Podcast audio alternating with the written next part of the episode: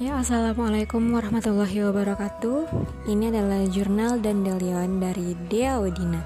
Di sini kamu akan menemukan banyak hal-hal yang insya Allah bisa memotivasi dan bermanfaat bagi siapa pun yang mendengarkan maupun bagi Dea Odina sendiri.